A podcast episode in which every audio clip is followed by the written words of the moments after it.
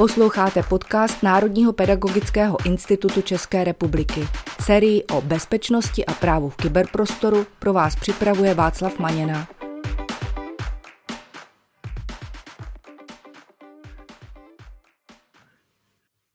Vítám vás u dnešního dílu na téma zabezpečení školního YouTube kanálu a sociálních sítí školy, který jsme pro vás připravili s Pavlem Matějčkem. Pavle, vítej. Zdravím tě Václave a zdravím i vás, naše posluchači, dobrý den. Dnešní téma je určené metodikům, správcům, učitelům, ale také ředitelům a samozřejmě se týká i rodičů a dětí. Primárně se ale zaměříme na učitele, kteří mají ve škole na starosti zprávu sociálních sítí.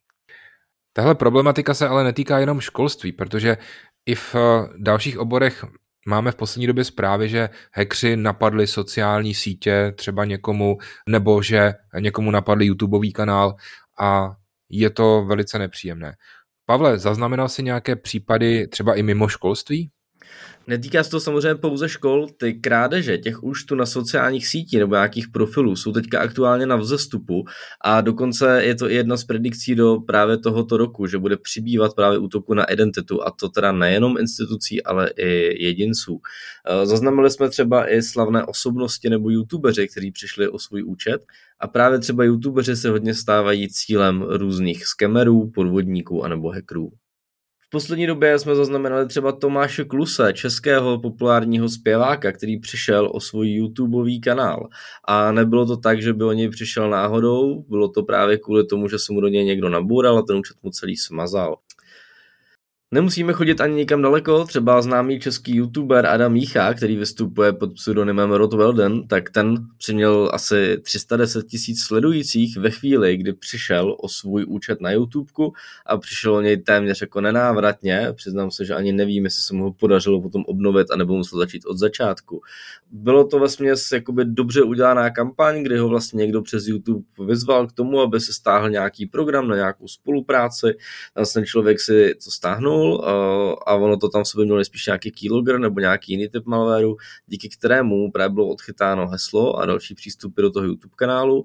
A v momentě, kdy mu ten kanál byl odebrán, tak se tam to heslo samozřejmě útočníci změnili, začali tam dávat různé reklamy právě třeba na nějaký kryptoměny, tadyhle to bylo na směnárnu Behance a začali tam dávat jako vlastní videa. A cílem těch útočníků, proč oni útočí třeba právě na youtubery nebo jiné známé osobnosti, tak je to, že tyhle si profily mají velký dosah. A oni pokud vlastně mají nějaké podvodné video, na kterém oni třeba pak mají nějakou marži nebo právě tím šíří malware nebo něco podobného, tak se takhle dostanou velmi jednoduše k dalšímu velkému množství lidí. Takže čím větší dosah máte, tím ideálnějším jste potom cílem. Jaké to má příčiny a jak se tomu můžeme bránit? Ty už jsi mluvil o tom, že třeba tomu youtuberovi se někdo pokusil nainstalovat nějaký malware, ale ono to často může být i jednodušší. Já myslím, že ten problém může být i v tom, že máme třeba jednoduché heslo a že nemáme dvoufaktorovou autentizaci. Nebo jakými způsoby tihle hekři ještě mohou proniknout do toho účtu? My jsme se tady vlastně teďka teda jako nastínili, že jednou z motivací těch útočníků může být třeba to, že vám se vedou ten účet kvůli nějakému dosahu.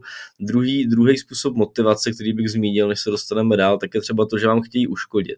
A já jsem se třeba setkal se školami, kde vlastně vlastní žáci té školy ukradli té škole ten YouTubeový účet. A to právě proto, přesně proto, jak jsi to zmínil. Ty žáci věděli, že správce toho účtu používá slabé heslo. To je vlastně jako velký problém, který se táhne pak napříč i dalšími systémy a jako jinak než jenom jako YouTubeový kanál, protože zažil jsem fakt několik škol, kterému se zmizel YouTubeový kanál, někdo jim změnil heslo, dal pryč videa, smazal všechno, co tam měli prostě a podobné věci. A bylo to vyloženě ze škodu libosti. Takže tady v tom případě je to všechno zapříčiněné prostě špatným zabezpečením toho účtu. A nechce, aby to znělo jako škodolibě, ale v tomhle případě se za to jako ta škola může sama, protože jestli to neudělalo to její dítě, tak to mohl udělat jakýkoliv jiný útočník a to prostě buď schválně nebo náhodou, prostě nějakým lámáním hesel nebo něco podobného. Já jsem se v jednom případě dozvěděl třeba, jaký bylo heslo k tomu účtu a to je heslo, který byste dokázali prolomit velmi rychle slovníkovým útokem, jo, v řádu s několika hodin. Takže ty hesla byly jednoduchý, krátký, docházelo tam jako k velmi špatné věci, kde prostě jako několik učitelů sdílelo ten samý účet a mělo vlastně jako sdílený účet s jedním heslem pro několik lidí pokud se to se stane, tak, tak to je prostě špatně. Jo? Takže jedna z mých rád, ty jsi říkal, slabá hesla, že můžou být příčinou určitě, takže asi moje první rada, používejte silná hesla a hned za pětí dodám druhou radu, uh, nikdy nepoužívejte, nebo ideálně pokud je to jenom trošku možná, nepoužívejte sdílené účty.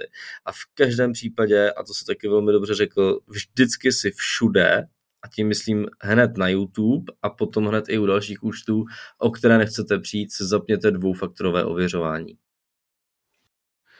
Mám úplně stejnou zkušenost, že vždycky k tomu útoku došlo, když třeba více učitelů sdílelo přihlašovací údaje k jednomu účtu. Další problém ale vidím i v tom, že často u těch služeb je příliš mnoho nebo zbytečně mnoho správců. Typický příklad, škola má nějaký YouTubeový kanál a teďka má třeba tři, čtyři šikovné učitele, kteří ten kanál budou spravovat, tak jim dá plná práva a jsou tam teda jako administrátoři nebo vlastníci.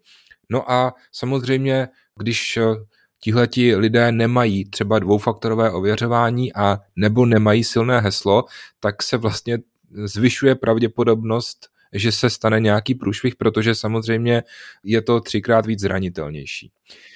S tím bych řekl, že může souviset taková další rada nebo takové preventivní opatření.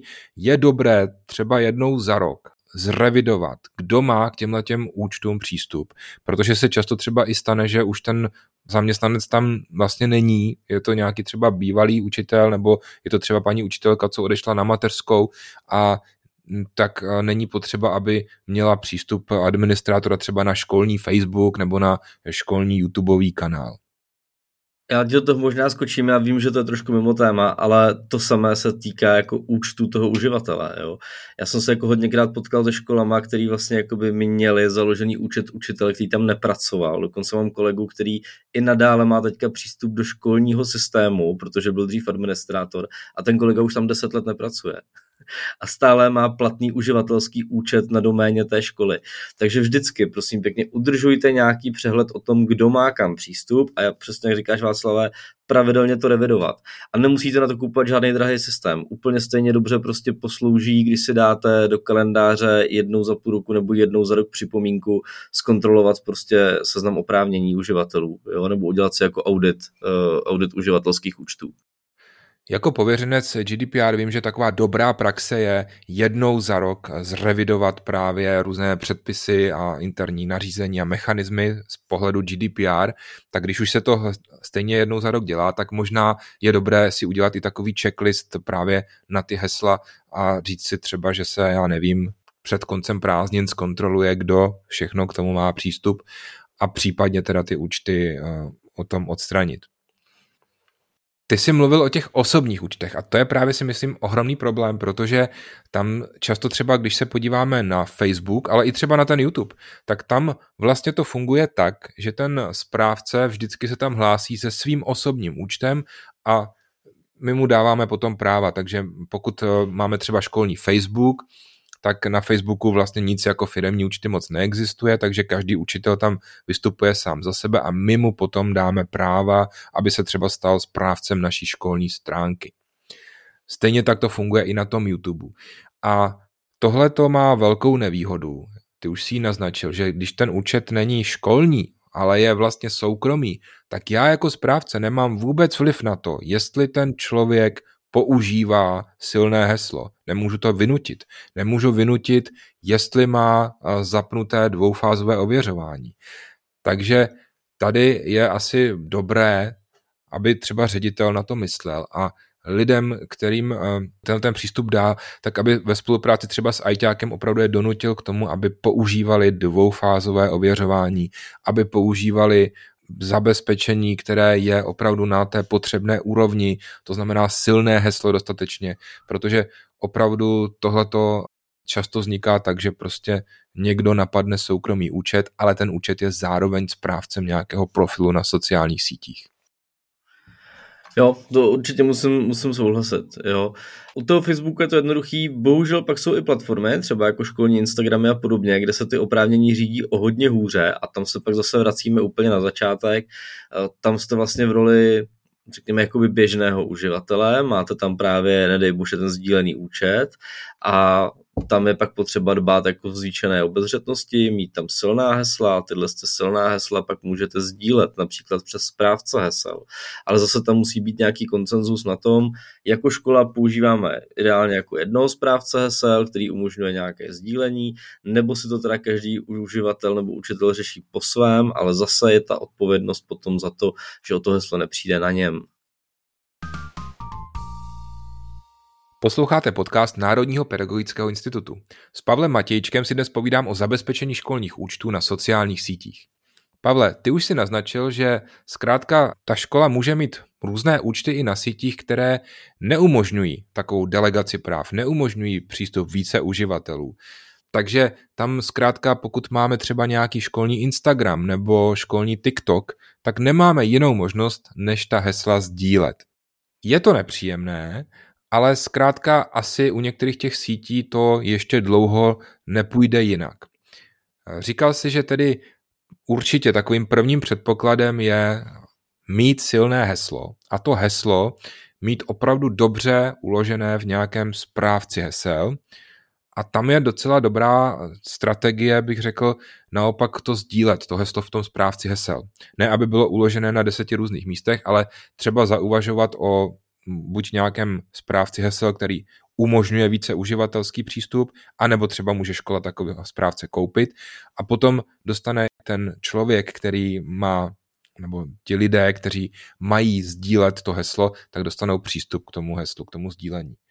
Vím, že ty obecně nedoporučuješ tato hesla ukládat do prohlížeče.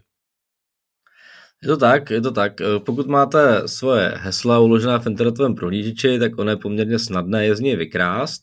Eh, problém potom nastává ve chvíli, kdy spousta učitelů dělá to, že třeba na svém pracovním notebooku je přihlášena v Google Chromu svým třeba Google účtem, v něm mají uložená ty hesla, ty se jim potom jako replikují i domů. A pokud by třeba na domácím počítači došlo k nějaké kompromitaci malwarem, tak utečou právě ty hesla všechna toho učitele, včetně těch hesel do té školy. Takže za mě je určitě dobré mít tohle oddělené, v tom prohlížeči ty hesla ideálně neukládat, protože to heslo je pak tím nejslabším článkem a v momentě, kdy se k němu někdo dostane a nepoužíváte třeba dvoufaktorové ověřování, což bývá právě problém u těch sdílených účtů, tak potom nastává jako velký trouble. Takže to byly hesla. Už jsme si řekli, není to ideální, ale když už teda musíme sdílet přihlašovací údaje, tak to heslo musí být uložené bezpečně v nějakém správci a musí být hodně silné. Ale myslím si, že právě u těchto účtů, které sdílíme, tak je nutné mít dvoufaktorové ověřování nebo vícefázové ověřování. Je vůbec nějak možné vyřešit dvoufázové ověřování u sdílených účtů? Vždyť přeci je to vždycky spárované s nějakým konkrétním klíčem nebo s nějakou aplikací, kterou má ten jeden člověk v mobilu. To je dobrý dotaz, protože tadyhle k tomu se podle mě každý časem jako dostane. My jsme nad tím taky bádali, eh, jeden z typů jsem mi dal dokonce už několikrát ty a třeba vím, že z praxe od tebe mám informace, že vlastně na Instagramu je možné přidat několik telefonních čísel. V momentě, kdy vy se potom hlásíte, tak se zadáte vlastně jako jaké telefonní číslo nebo na jaké telefonní číslo chcete poslat ten kód pro to dvoufázové ověřování, ten vám to potom přijde a vy se přihlásíte. Takže to je určitě jako jedna z možností, kterou jde využít. Druhá pak je ta, kterou třeba využívám já, a to je používat speciální klíč, který se jmenuje YubiKey.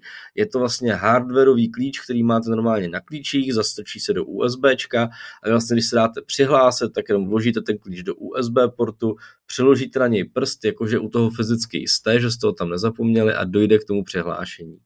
Tyhle ty YubiKey jsou asi nejznámější, jsou o něco dražší, ale úplně stejně třeba poslouží klíče české výroby, které se jmenují GoTrust Item Key a my vám pak do popisu dáváme odkaz přímo na Alzu, kde si je můžete koupit a upozorňujeme, že to není žádná placená propagace, pouze to asi jako nejjednodušší způsob, jak se k ním dostat. Takže abyste viděli konkrétní model klíče, který máme oskoušený, osobně to používám s Google účtem, kde ho mám jako, jako hlavní metodu ověření a jako záložní metodu mám potom třeba ověření pomocí tzv. push notifikace, která mi přijde do aplikace na telefon. Těhle z těch klíčů se tam můžete přidat několik a to je právě ta velká výhoda, protože pokud je vás několik správců, každý má máte svůj klíč, tedy v tom případě opravdu jako fyzický, tak máte vyřešené jako tu možnost mít několik dvou faktorů pro několik různých uživatelů.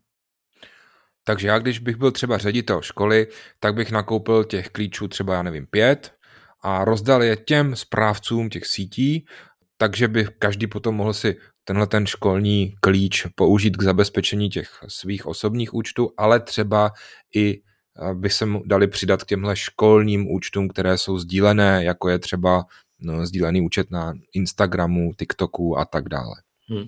Když už jsi to zmínil, tak jenom na okraji první otázka, kterou, když se o tom bavíme, každého se napadne, kolik to teda jako stojí. Uh, ty YubiKeys vychází něco kolem 1300 až 1500 korun, uh, tyhle ty GoTrust klíče vychází něco kolem 600, takže to zhruba na polovině. A 5x6 3000, jo, není to prostě nic, nic jako není to žádná závratná částka, takže vlastně za pět klíčů dáte 3000 korun a máte prostě pro pět učitelů vyřešené dvoufaktorové přihlašování. A co je prosím pěkně ještě výhodou, kterou tady u toho zmíním, tak je to, že vy ten jeden klíč toho učitele můžete použít pro různé účty. Takže vy máte jeden klíč, který mu funguje třeba do YouTube účtu, ten samý klíč potom může použít třeba ke školnímu Facebooku a tak dále a tak dále. Navíc, pokud by ten učitel třeba odešel, tak vy jako hlavní správce můžete ten jeho klíč eh, jednoduše odebrat a tím ho zneplatníte. Chápu, že to funguje dobře na počítači, protože tenhle klíč se strká do USB portu. Jsou různé verze pro USB-C třeba nebo pro USB-A, tak jak jsme zvyklí na ten velký široký konektor. Ale co když třeba paní učitelka bude dělat eh, fotky a bude se potřebovat přihlásit eh, na svém mobilním telefonu třeba na školní Facebook? Je možné tu autentikaci provést i pomocí tohohle klíče na mobilu? Možná to určitě je, těch klíčů se dělá několik typů. Uh, jeden typ klíčů, ten je samozřejmě pak o něco dražší, tak jsou klíče, které v sobě mají NFC, takový ten modul, něco podobného, jako když překládáte platební kartu. A vy vlastně ten klíč třeba přiložíte k mobilnímu telefonu a vlastně pomocí toho NFC dojde k přenosu toho klíče, že ho nemusíte fyzicky zastrkávat, jenom to k tomu fyzicky přiložíte a dojde vlastně jako k přenosu, dojde k té autentizaci, je to potom v pořádku. No a druhý, druhá možnost je to, že si koupíte klíč, který má USB-C port a pokud máte telefon, který má USB-C nebo pro iPhone se to prodává s Lightingem, tak vlastně jenom zastrčíte ten klíč do mobilního telefonu a funguje to úplně stejně, jako kdybyste ho strkali do počítače. S Pavlem Matějčkem si dnes povídáme o zabezpečení školních účtů na sociálních sítích. Pavle, doteď jsme se bavili jenom o školních účtech, o učitelích, ale co si budeme povídat? Nejpopulárnější jsou sociální sítě u dětí a samozřejmě kolikrát teda i u rodičů. Jsou tam nějaká další specifika, na co bychom si třeba měli dát pozor? Je třeba nějaký jiný způsob, jak děti přicházejí o své účty? No já bych především řekl, že děti o své účty přechází jak na běžícím pásu. Já jsem nedávno v jedné škole, kde prostě bylo asi 100 dětí, kterým jsem dělal nějakou přednášku a když jsem se jich zeptal, kdo z nich už jako přišel o nějaký účet na sociální sítě, tak zvedlo ruku 70% lidí. A to je jako velké číslo. A ty děti jsou na to často zvyklé, protože oni třeba neví, že existuje něco jako dvoufaktorové ověřování a podobné věci, neumí si to ani nastavit, nikdy to neskoumali a to Instagram třeba používají už jako řádku let.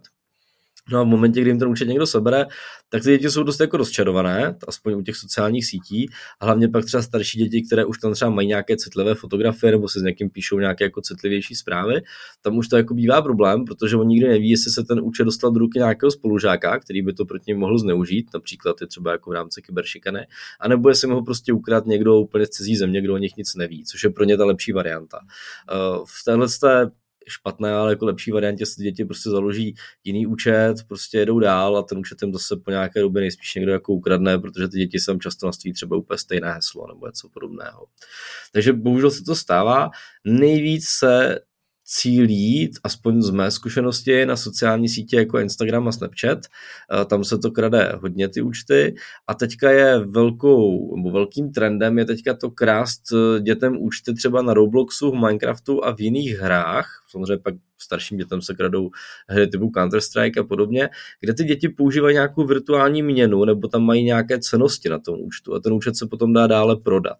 A vlastně jsou to věci, na které se cílí jako ve velkém a i třeba ty herní firmy, třeba mm, firma Epic, která dělá jednu z nejpopulárnějších her současnosti Fortnite, tak se snaží děti motivovat k tomu, aby používali dvoufaktorové ověřování aspoň SMS-kou a to tak, že třeba když se, na, když se ve Fortniteu zapnete dvoufaktorové ověřování, tak dostanete nějaký skin na postavu nebo nějaký taneček nebo nějakou jinou odměnu, která se vám v té hře hodí a můžete ji tam využívat. Což je podle mě jako hezká motivace a je fajn něco takového využívat a dělat z toho dvou faktorů už takový nový standard.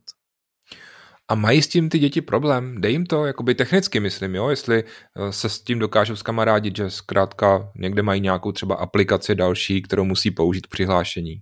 Jasně, hele, úplně v pohodě. Já mám třeba devítiletýho syna a, a naučil jsem ho používat dvou faktor už jako od začátku. Syn prostě od začátku používá správce hesel a od začátku má nastavený na svůj mobilní telefon dvoufaktor a on vůbec neví, že to bez toho jako nejde. A to dítě vlastně vyrostlo s tím, že takhle to prostě funguje a je to tak v pořádku. Má vysvětleno proč, protože jemu se někdo už snažil nabourat do Minecraftu, přišla mu nějaká oznámení, že do jeho Minecraftového účtu se pokoušel připojit někdo z Indonésie nebo něco podobného a někdo prostě jako zkoušel dělat nějaký brute force na to jeho jméno, takže jsme samozřejmě všech, u všech těch účtů jako okamžitě změnili hesla pro jistotu a všude, kde to šlo, jsme zapli ten dvoufaktor. Protože on třeba do, micro, on do toho Minecraftu je přihlášený svým Microsoftím účtem, jo? protože já zase dětem řídím rodičovskou kontrolu přes Microsoft účet, to dítě tam má svůj, takže já jsem ho tam nechal se tohle zapnout protože ono to je jedno souvisí s druhým, kdyby mu odhalili to heslo do Minecraftu, tak se mu pak dostanou třeba i do e-mailu, na Google Disk a další věci, tam má zase fotky z telefonu nasynchronizované. A to je pak velký průšvih. A ty děti se to často neuvědomují, aspoň do té fáze, kdy jim ten účet, kde mají něco citlivého nebo drahého někdo ukradne, pak se o to začnou zajímat, často se to pak jako zabezpečí, ale typicky ty děti třeba ze školy ty informace často jako nemají a přichází se na to vlastně až metrou pokus omyl. A to je bohužel to, co mě na tom jako mrzí. Ta zkušenost je tady v tom případě nepřenosná a vidím to i mezi dospělými. Spousta dospělých zná někoho, komu ukradli účet a stejně si své účty nezabezpečí. Přitom ta dvoufáze nebo to dvoufaktorové ověřování eh, jako samozřejmě není to jako vše spásné, o nic není vše spásné, ale tohle vám strašně pomůže a nic vás to nestojí. A vlastně odrazí vám to nějakých 95% útoků na tu vaši identitu. A myslím si, že tohle, to, co jsi říkal, tak jsou i argumenty pro to rozhodně nemít u všech účtů stejné heslo nebo podobné heslo. Že je víc než eh, důležité, aby všude opravdu bylo originální a těžko napadnutelné heslo. Hmm, a, a predikovatelné, já jsem úplně slyšel, to chci říct. Uh, nemá, nesmí to sami být nic společného, jo. A je dobře, že to říkáš, protože mně už to přijde třeba jako samozřejmost, ale ono samozřejmost není. Já se jako do dneška potkávám s tím, že vždycky jsem někde ve škole a bavím se i s učitelem a říkám, kdo z vás má prostě jako heslo, který začíná velkým písmenem a končí číslem, tak 90% lidí zvedne ruku. Říkám, a kdo z vás má heslo delší jak 10 znaků? Jo, a teďka zvedne ruku 10-20%. Jo. A to už prostě jako víš, že tam jsou prostě hesla typu kočička 1, 2, 3 a s tím prostě žádnou velkou sekuritu nevymyslíme. A zase, nejlepší heslo je takové, které si zkrátka nevymyslím já, ale vymyslím jeho počítač, nějaký ten správce hesel, a které si nepamatuju hlavně. To znamená využívat toho správce hesel nejenom k ukládání hesel, ale i ke generování hesel. Rozhodně. Já vždycky na školeních říkám, že pokud si pamatujete své heslo, tak je slabé. Jo? To je taková jako přímá úměra. Uh, možná bych si dovolil jeden příklad z praxe, který by vás měl dostatečně vystrašit a vlastně ukázat vám, že tady s Václavem nevymýšlíme nějaké věci, protože jsme řešili jednu školu, která se nám vlastně ozvala s tím, že jsou heknutý a když jsem se jich ptal, jak jsou jako heknutý, měl jsem za to, že mají zašifrovaný soubory nebo něco podobného a ten ředitel říkal, no je to takové zvláštní, oni se dětem mění známky a mizí neumluvené hodiny. Já jsem říkal, jo, tak to je zvláštní a ty známky se mění na lepší, že jo. A no, no, no, jak to víte? Říkal, tak tam taky bylo 15, že jo. A samozřejmě prostě došlo k tomu, že eh, no, samozřejmě děti se složily, koupili si keylogger, což je speciální zařízení, které umí odchytat všechno, co se píše na klávesnici a strčili to do počítače paní učitelce. A když paní učitelka přišla do hodiny, tak se přehlásila do počítače a ona měla stejné heslo, jak do počítače, tak potom do nějakého školního systému. Jo? Měli tam něco ve stylu bakaláři, prostě klasický jako školní systém, ve kterém byly prostě hesla, docházka, teda hesla. Byly tam známky, docházka, prostě všechno. No a samozřejmě paní učitelka používala stejný heslo jak do toho počítače, do toho přihlášení, do toho Windows účtu, tak potom uh, do toho školního systému. No a když jsme potom zjišťovali, kdy se to děje, tak se to dělo právě v časech přestávky a z žákovské sítě, jo, z žákovské Wi-Fi sítě.